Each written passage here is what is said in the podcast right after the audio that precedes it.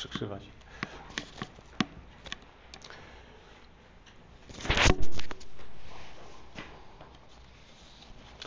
Mamy dzisiaj pierwszą niedzielę Adwentu, czyli ten radosny okres wyczekiwania, przygotowania na święta Bożego Narodzenia. Na tę okoliczność y, w kościołach czyta się różne teksty na temat przyjścia Jezusa na świat. Znamy historię Marii, Józefa, anioła Gabriela, znamy historię o mędrcach, Herodzie, pasterzach i tak.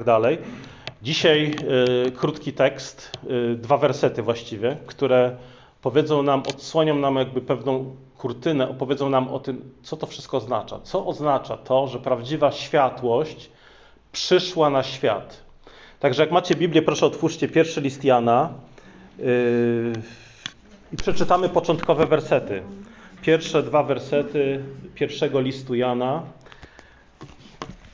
Posłuchajcie. Co było od początku, co słyszeliśmy, co oczami naszymi widzieliśmy, na co patrzyliśmy i czego ręce nasze dotykały, o słowie żywota. A żywot objawiony został i widzieliśmy i świadczymy i zwiastujemy wam ów żywot wieczny, który był u Ojca, a nam objawiony został. Ojcze w niebie, jesteśmy wdzięczni, że mamy Twoje słowo, że potrafimy, że, że, mam, e, że, mamy je przed sobą. Jesteśmy wdzięczni za Twoje pouczenie. Panie, to wszystko jest Twoim darem, ale potrzebujemy, Panie, też daru Twojej łaski, mocy, mocy Twojego ducha, abyśmy potrafili zrozumieć Twoje słowo, tak abyśmy Boże sprawy rozsądzali w duchowy sposób. Wspomóż nas, Panie, duchem mądrości, zrozumienia, ale też, Panie, nie chcemy być jedynie słuchaczami, ale i wykonawcami Twojego słowa. I o to się modlimy przez imię Jezusa. Amen.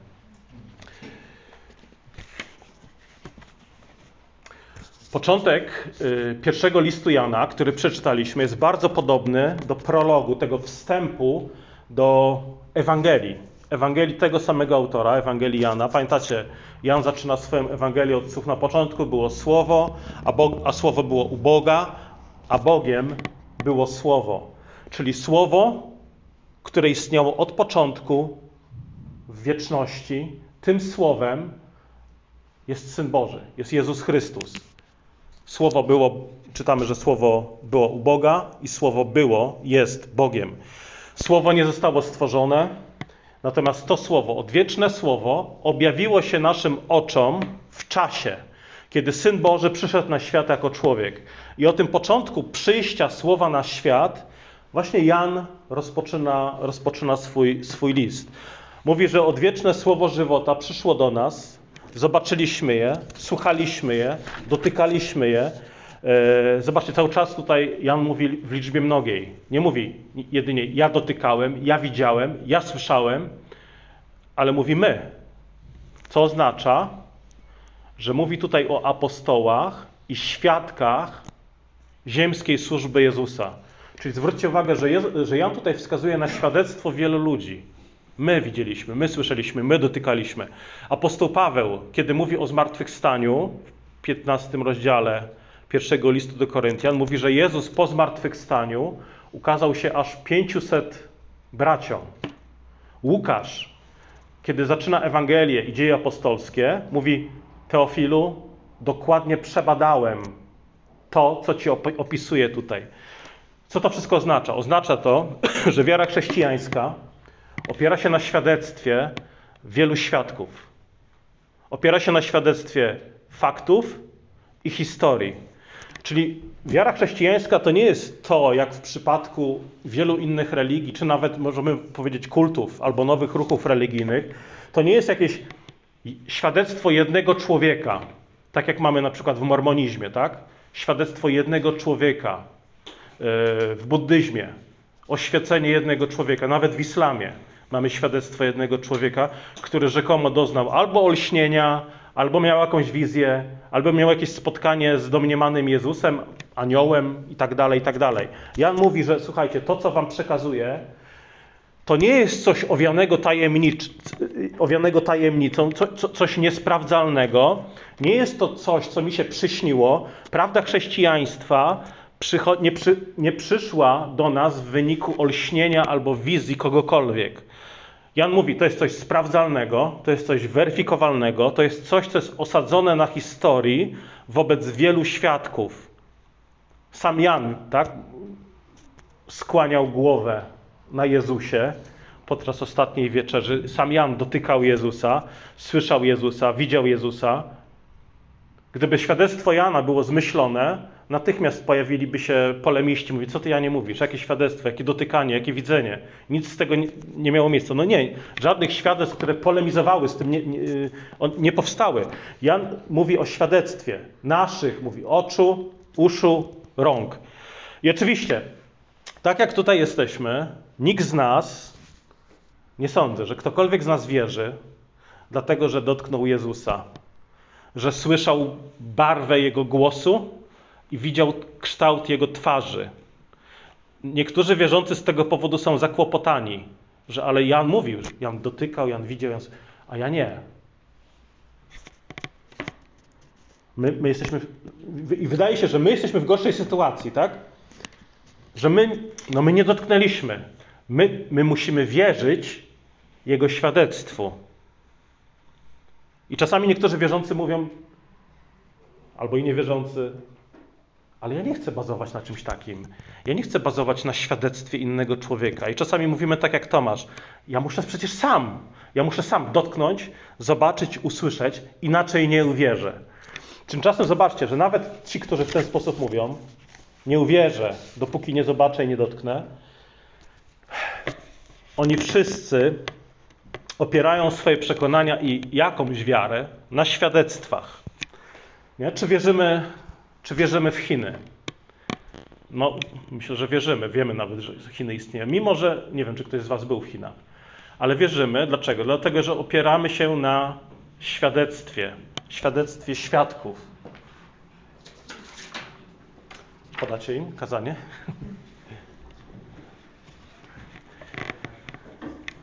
Będą rozumieli w swoim języku. To jest, to jest tłumaczenie. Także każdy z nas bazuje na jakimś świadectwie. Y, czy wierzymy w napad y, Niemiec na Polskę 1 września 1939? Tak. Dlaczego? Bo opieramy się na świadectwie.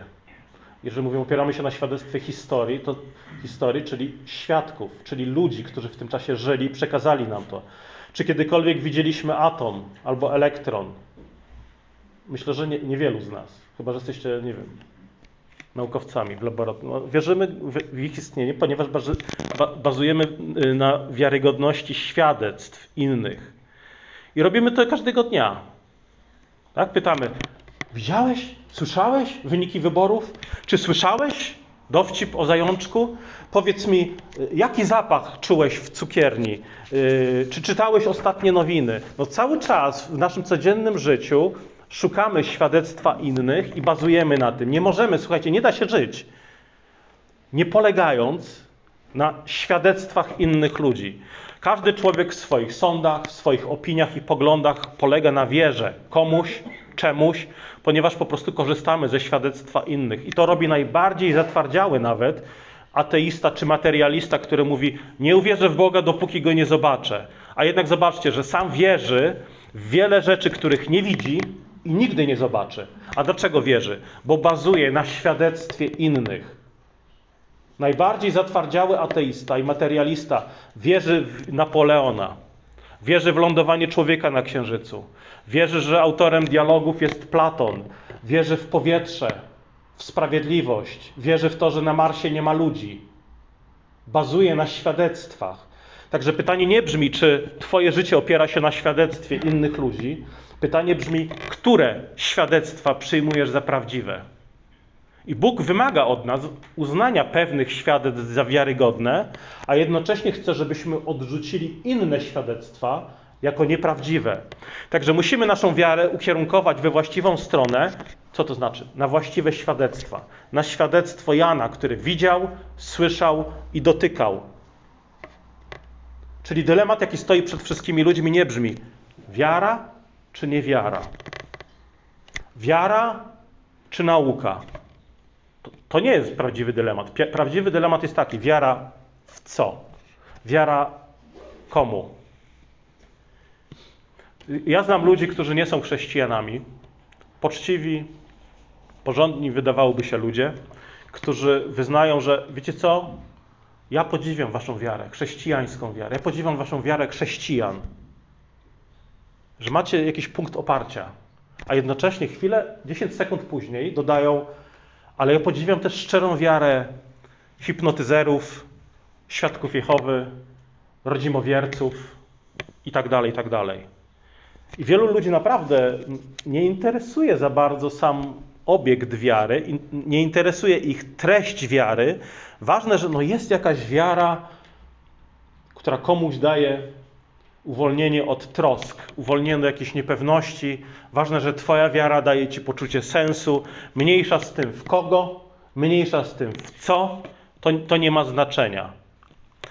Ktoś powiedział, jeżeli twój syn przedstawi ci twoją, jeżeli twój syn przedstawi ci swoją dziewczynę, to najpierw zadaj pytanie, czy jest wierząca, a potem zapytaj w co, w kogo.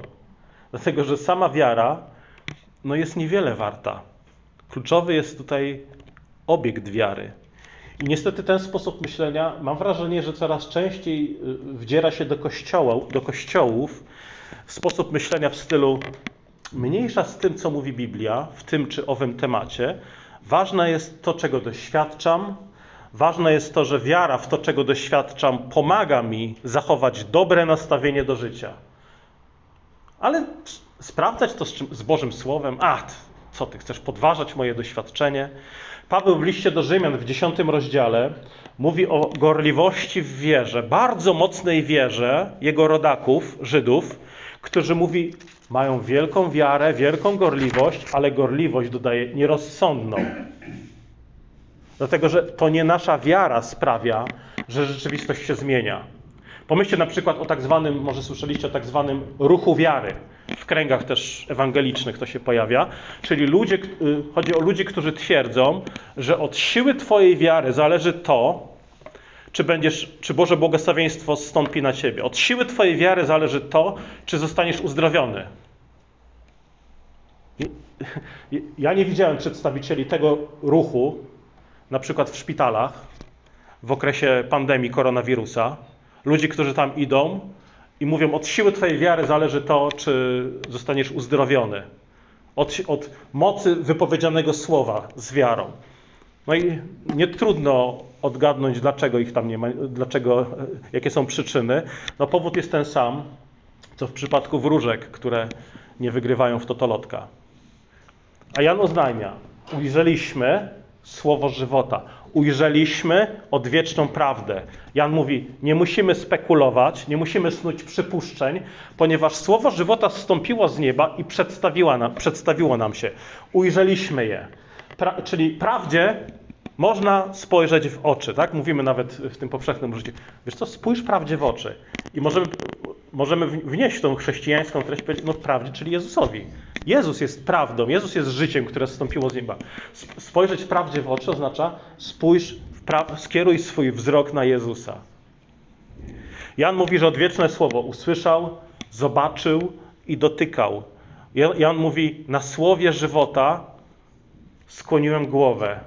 Słowo życia karmiło go chlebem i poiło winem.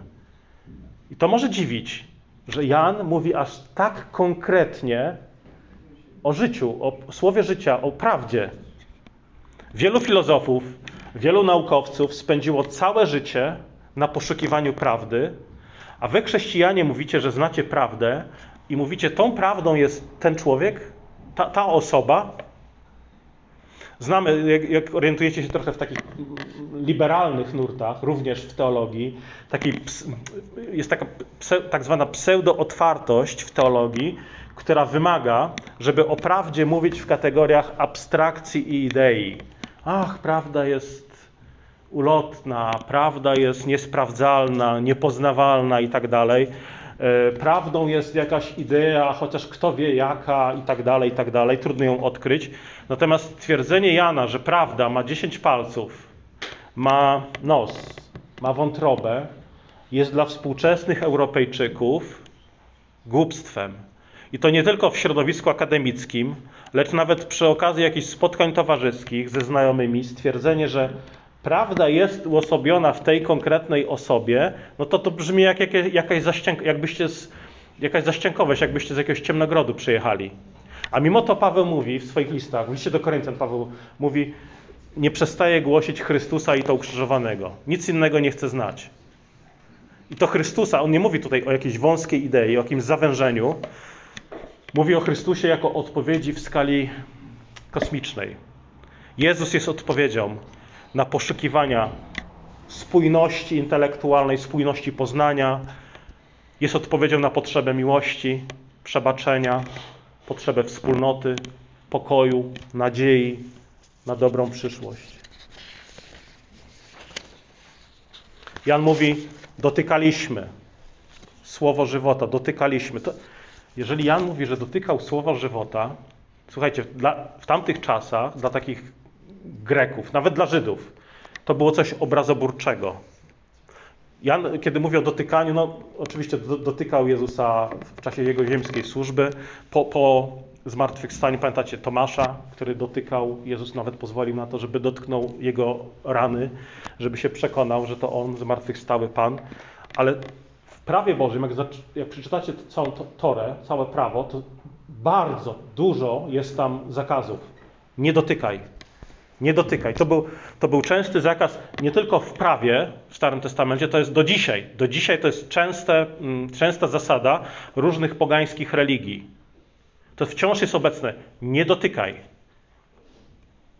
W mormonizmie, w hinduizmie, w islamie, które mówią o wielu rzeczach, które nie wolno dotykać, albo z powodu ich nieczystości, albo z powodu Twojej nieczystości. Że ta rzecz jest tak święta, że Ty, będąc nieczysty, nie możesz tego dotykać. Albo ta rzecz jest nieczysta, tak nieczysta, że nie wolno Ci tego dotykać.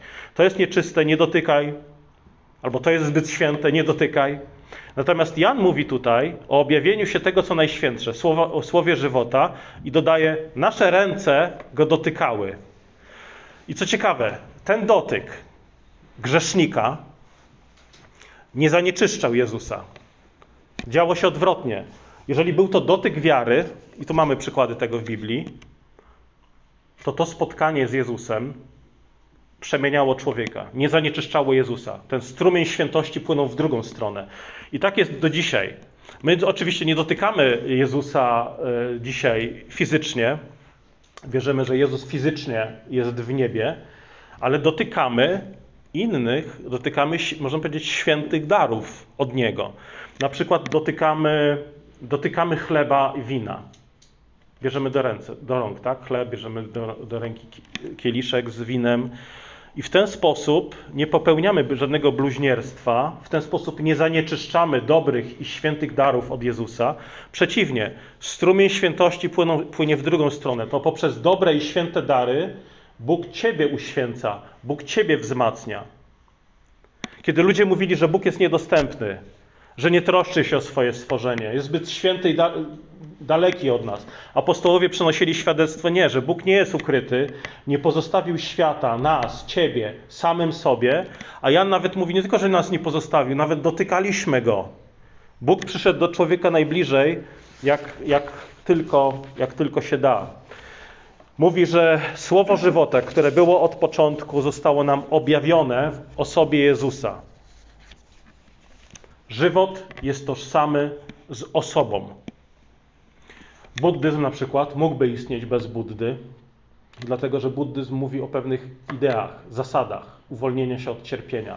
Islam mógłby istnieć bez Mahometa, dlatego że w tych religiach, w ogóle we wszystkich religiach, istotne są zasady, idee. W każdej religii założyciel mówił, co robić, czego nie robić. Y, założyciel mówił: Patrzcie, pokazuję wam, oto droga, oto droga do wyzwolenia, do oświecenia. Natomiast Jezus, w przeciwieństwie do wszystkich innych założycieli religii, mówi: Ja jestem drogą. Jezus o sobie mówi: Ja jestem drogą. On nie jest prorokiem wskazującym drogę, jest Bogiem pośród nas. On jest drogą. Tak? Prawdy buddyzmu mogłyby istnieć bez Buddy, prawdy islamu mogłyby istnieć bez Mahometa, ale prawda chrześcijaństwa nie mogłaby istnieć bez Chrystusa. Prawda przyjęła formę osobową. I zobaczcie, mówienie o prawdzie dzisiaj to jest tak naprawdę e, mówienie o Jezusie. Mówienie o życiu wiecznym to jest mówienie o Jezusie. Jeżeli mówisz o sensie życia, o życiu wiecznym, o prawdzie i pomijasz Jezusa, no to nie wiem, to bardziej się kojarzy z New Age. Pomijanie Jezusa w jakichkolwiek radach na prowadzenie życia bez lęku, życia w wolności, życia w czystości sumienia, to jest absurd. To jest taki praktyczny ateizm. Nic nie jest na swoim miejscu, jeżeli Jezus nie jest na swoim miejscu. Jan uczy nas, że żywot, który był u Ojca, został nam objawiony. Nie został ukryty, nie pozostał kwestią spekulacji. Czyli kiedy Bóg przyjął ciało, to nie mówimy, że to ciało przysłoniło nam na moment Boga. Mówimy, że jest odwrotnie. Bóg przyjął ciało, dlatego możemy go wyraźnie widzieć. Nie ukrył się pod zasłoną ciała, raczej czytamy, że Bóg objawił się w ciele. Objawił nam w ciele swoją mądrość, współczucie, chwałę, sprawiedliwość, dobroć, cierpliwość. W Jezusie ujrzeliśmy Boga odsłoniętego, a nie Boga ukrytego pod postacią ciała. Czyli żywot został nam objawiony nie jako jakieś niejasne, dwuznaczne spekulacje, ale jako po prostu bijąca światłem odpowiedź.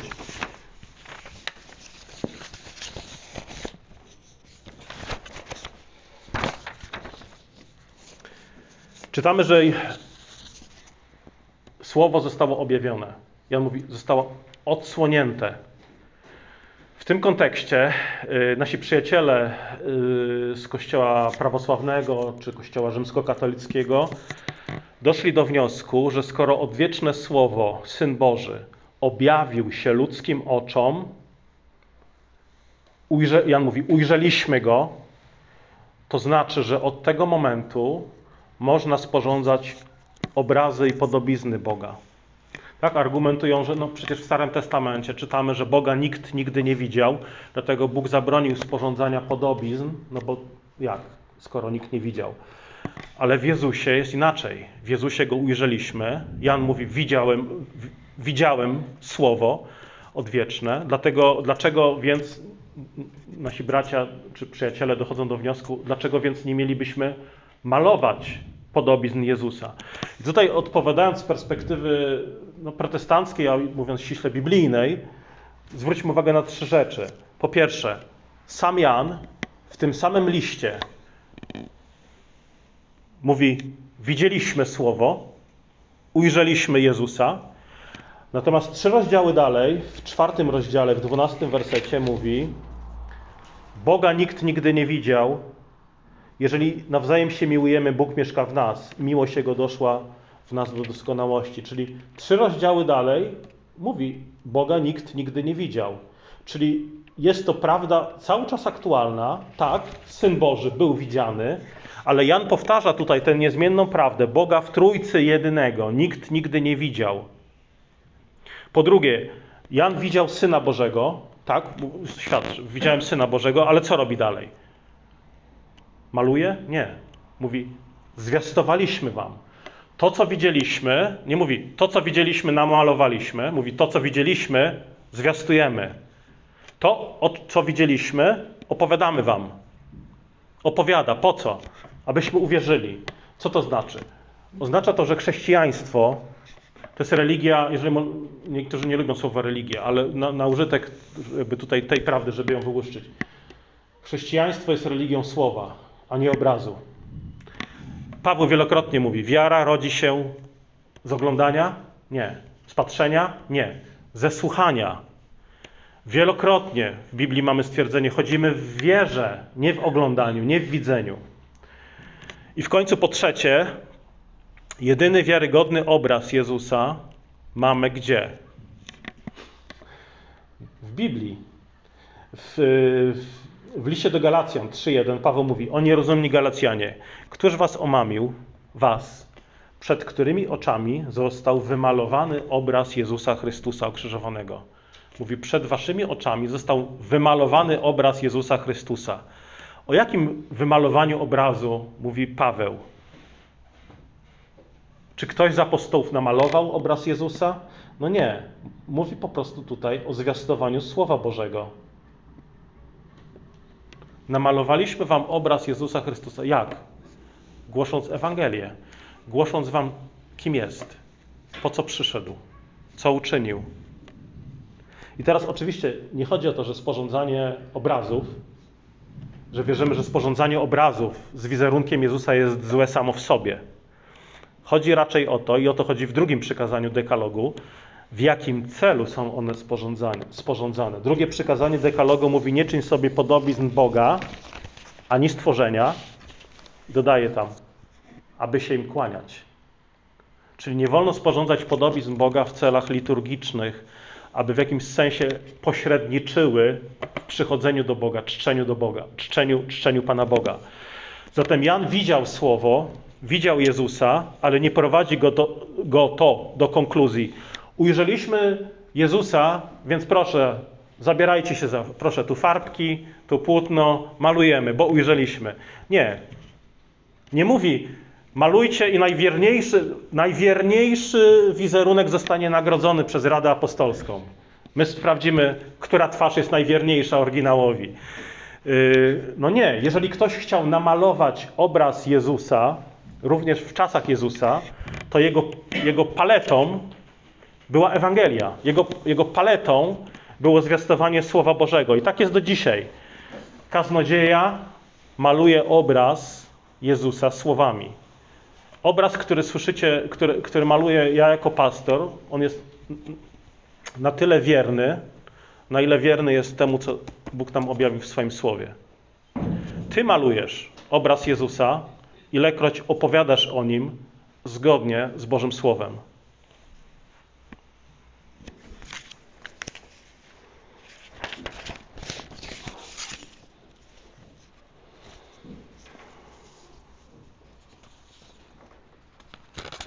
Czasami myślimy, że jesteśmy w gorszej sytuacji niż Jan, który mówi: Widziałem, dotykałem, słyszałem. Myślimy, że no jesteśmy w gorszej sytuacji, no bo my nie widzieliśmy Jezusa fizycznie, nie dotykaliśmy go. Ale słuchajcie, nie sądzę, nie, nie myślmy w taki sposób. Biblia nie pozwala nam nawet myśleć w taki sposób. Nie jesteśmy w gorszej sytuacji. Powiem więcej, myślę, że nawet jesteśmy w lepszej sytuacji mamy w jakimś sensie więcej niż nawet apostoł Jan. Dlaczego? Dlatego, że mamy świadectwa pism. Mamy właśnie tą paletę Ewangelii, która maluje przed nami pełny obraz Jezusa.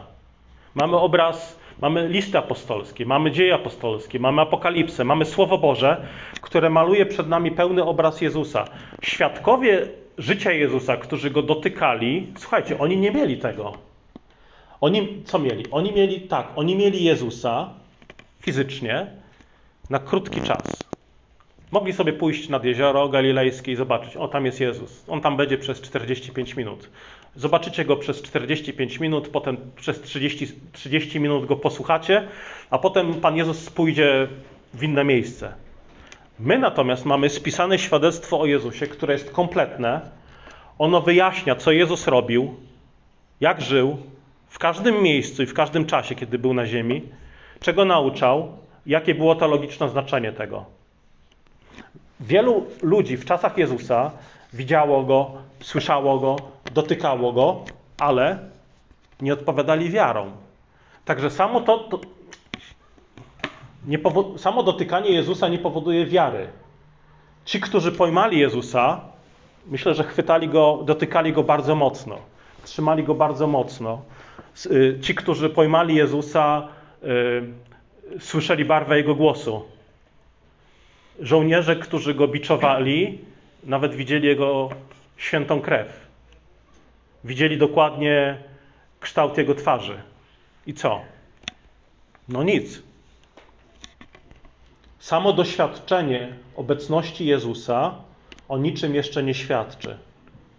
Tak? Dzisiaj są ludzie, którzy mówią: Och, gdybym tylko zobaczył Jezusa, tak jak Jan widział go, to na pewno bym uwierzył. Możemy odpowiedzieć: Słuchaj, dzisiaj masz więcej niż obecność Jezusa na 30 sekund. Co z tego, żeby ci się objawił na 30 sekund? Masz więcej niż 30 sekund, masz pełne świadectwo o nim. I co? Nie wierzysz. Nie dlatego, że świadectw brakuje, że to wszystko jest nieudokumentowane i niesprawdzone. Nie wierzysz dlatego, że nie chcesz uwierzyć. I to jest prawdziwa przyczyna. Nie dlatego, że brakuje ci spotkania z Jezusem, jakichś dowodów. Są wierzący, z drugiej strony, są wierzący, którzy mówią: A ja widziałem Jezusa, mi się objawił Jezus, spotkałem Jezusa, więc co? No, chyba się przyznaje do mnie, chyba jestem namaszczony, chyba jestem wybrany. Albo jemu się objawił, to może on jest namaszczony, bo jemu, jemu się objawił. No słuchajcie, nie ma wątpliwości, że spotkanie z Jezusem dla ludzi w, w czasach, kiedy on żył na ziemi, no to była niesamowita rzecz. Nie, nie ma co tego negować. Serce uczniów nawet biło mocniej po zmartwychwstaniu Jezusa, kiedy go widzieli zmartwychwstałego, jak wyjaśniał pisma przed nimi, nie? To było błogosławieństwo, ale zobaczcie, Piłat, Herod, arcykapłani, Judasz, wielu innych świadków widzieli Jezusa. I co? Nie są świętymi w kościele. Dlatego błogosławieństwo życia wiecznego jest owocem wiary, a nie doświadczenia, widzenia Jezusa i tak dalej. Chodzimy w wierze, nie w widzeniu.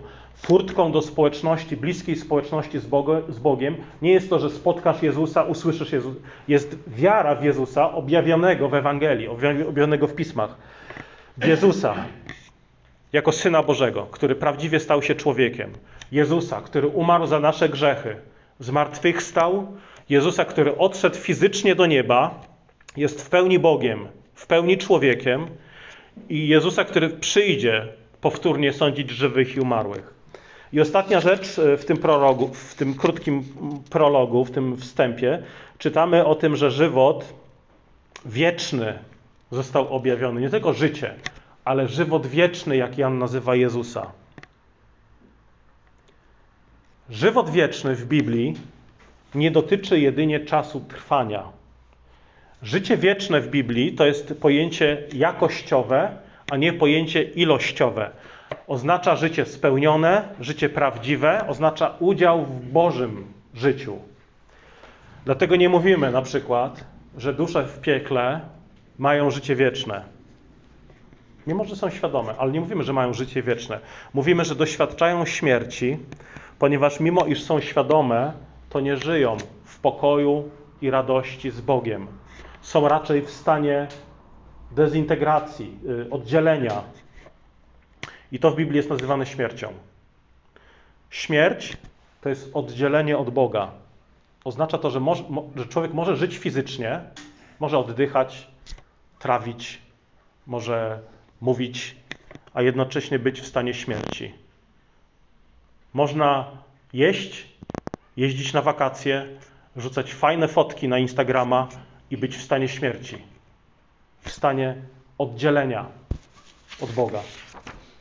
Śmierć fizyczna, czyli mówimy, śmierć fizyczna to jest oddzielenie duszy i ciała, to jest jedynie obraz tej prawdziwej śmierci, oddzielenia człowieka od Boga. Natomiast Jan tutaj mówi, żywot wieczny został objawiony i ten żywot wam zwiastujemy. Czyli nie chodzi o to, że Jan mówi, słuchajcie, ogłaszam wam żywot wieczny, czyli Życie bez końca. Będziecie żyli po prostu długo, długo, długo, długo. Nie chodzi o zwiastowanie długiego życia po śmierci, chociaż ono oczywiście będzie wieczne. Wierzymy w życie bez końca. Ale kiedy mówimy zwiastujemy życie wieczne, to zwiastujemy życie z Jezusem. Co to znaczy opowiadać o życiu wiecznym? To znaczy opowiadać o Jezusie. Różne e, ezoteryczne religie, okultyzm, New Age, one też mówią o wiecznym bytowaniu, o wiecznym trwaniu, ale tam nie ma Jezusa. A jeżeli nie ma Jezusa, to nie ma życia. To jest śmierć. Natomiast Jezus się przedstawia. W Ewangelii Jana 14,6 mówi: Ja jestem drogą, prawdą i życiem. Jezus jest życiem. Mieć życie wieczne nie oznacza mieć w sobie nieśmiertelną duszę, chociaż wierzymy w nieśmiertelną duszę. Yy, ale wierzymy, że ta dusza może umrzeć nie w znaczeniu przestać istnieć. Śmierć duszy to jest egzystencja bez pojednania z Bogiem, bez przebaczenia win, bez społeczności z Jezusem. Czyli kończąc, mieć życie wieczne nie oznacza mieć w sobie jakąś niewidzialną kulkę wieczności w serduszku. Mieć życie wieczne oznacza mieć więź z Jezusem. Jak? Przez żywą wiarę. I to jest ważne przypomnienie na okres Adwentu. Oto na świat przyszło życie, życie, które było u Ojca od wieczności. Tak, nie wierzymy, że Syn Boży powstał w czasie. Nie. Nie został stworzony przez Ojca, lecz był u Ojca od samego początku. Słowo było u Boga i Bogiem było Słowo, mówi Jan. I to jest niesamowite, że sam Bóg, Syn Boży, życie, życie, prawda wcielona, przychodzi na świat i zaprasza Ciebie nie na jakieś jednorazowe spotkanie przy łodzi. Chodźcie, idziemy, jedziemy, chodźcie do Jelitkowa, tam będzie Jezus nauczał na łodzi. Nie, nie mówimy o takim spotkaniu. Mówimy o bliskiej społeczności z Jezusem każdego dnia przez wiarę w Niego.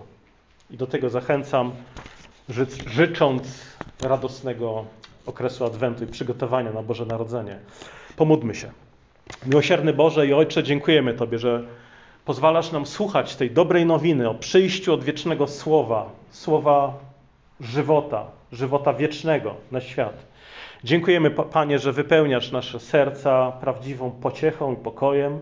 Prosimy Cię, spraw, aby Twoje Słowo też wydało w nas owoc żywej wiary, wiary w naszego Pana, Jezusa Chrystusa. O to się modlimy w Jego imieniu. Amen.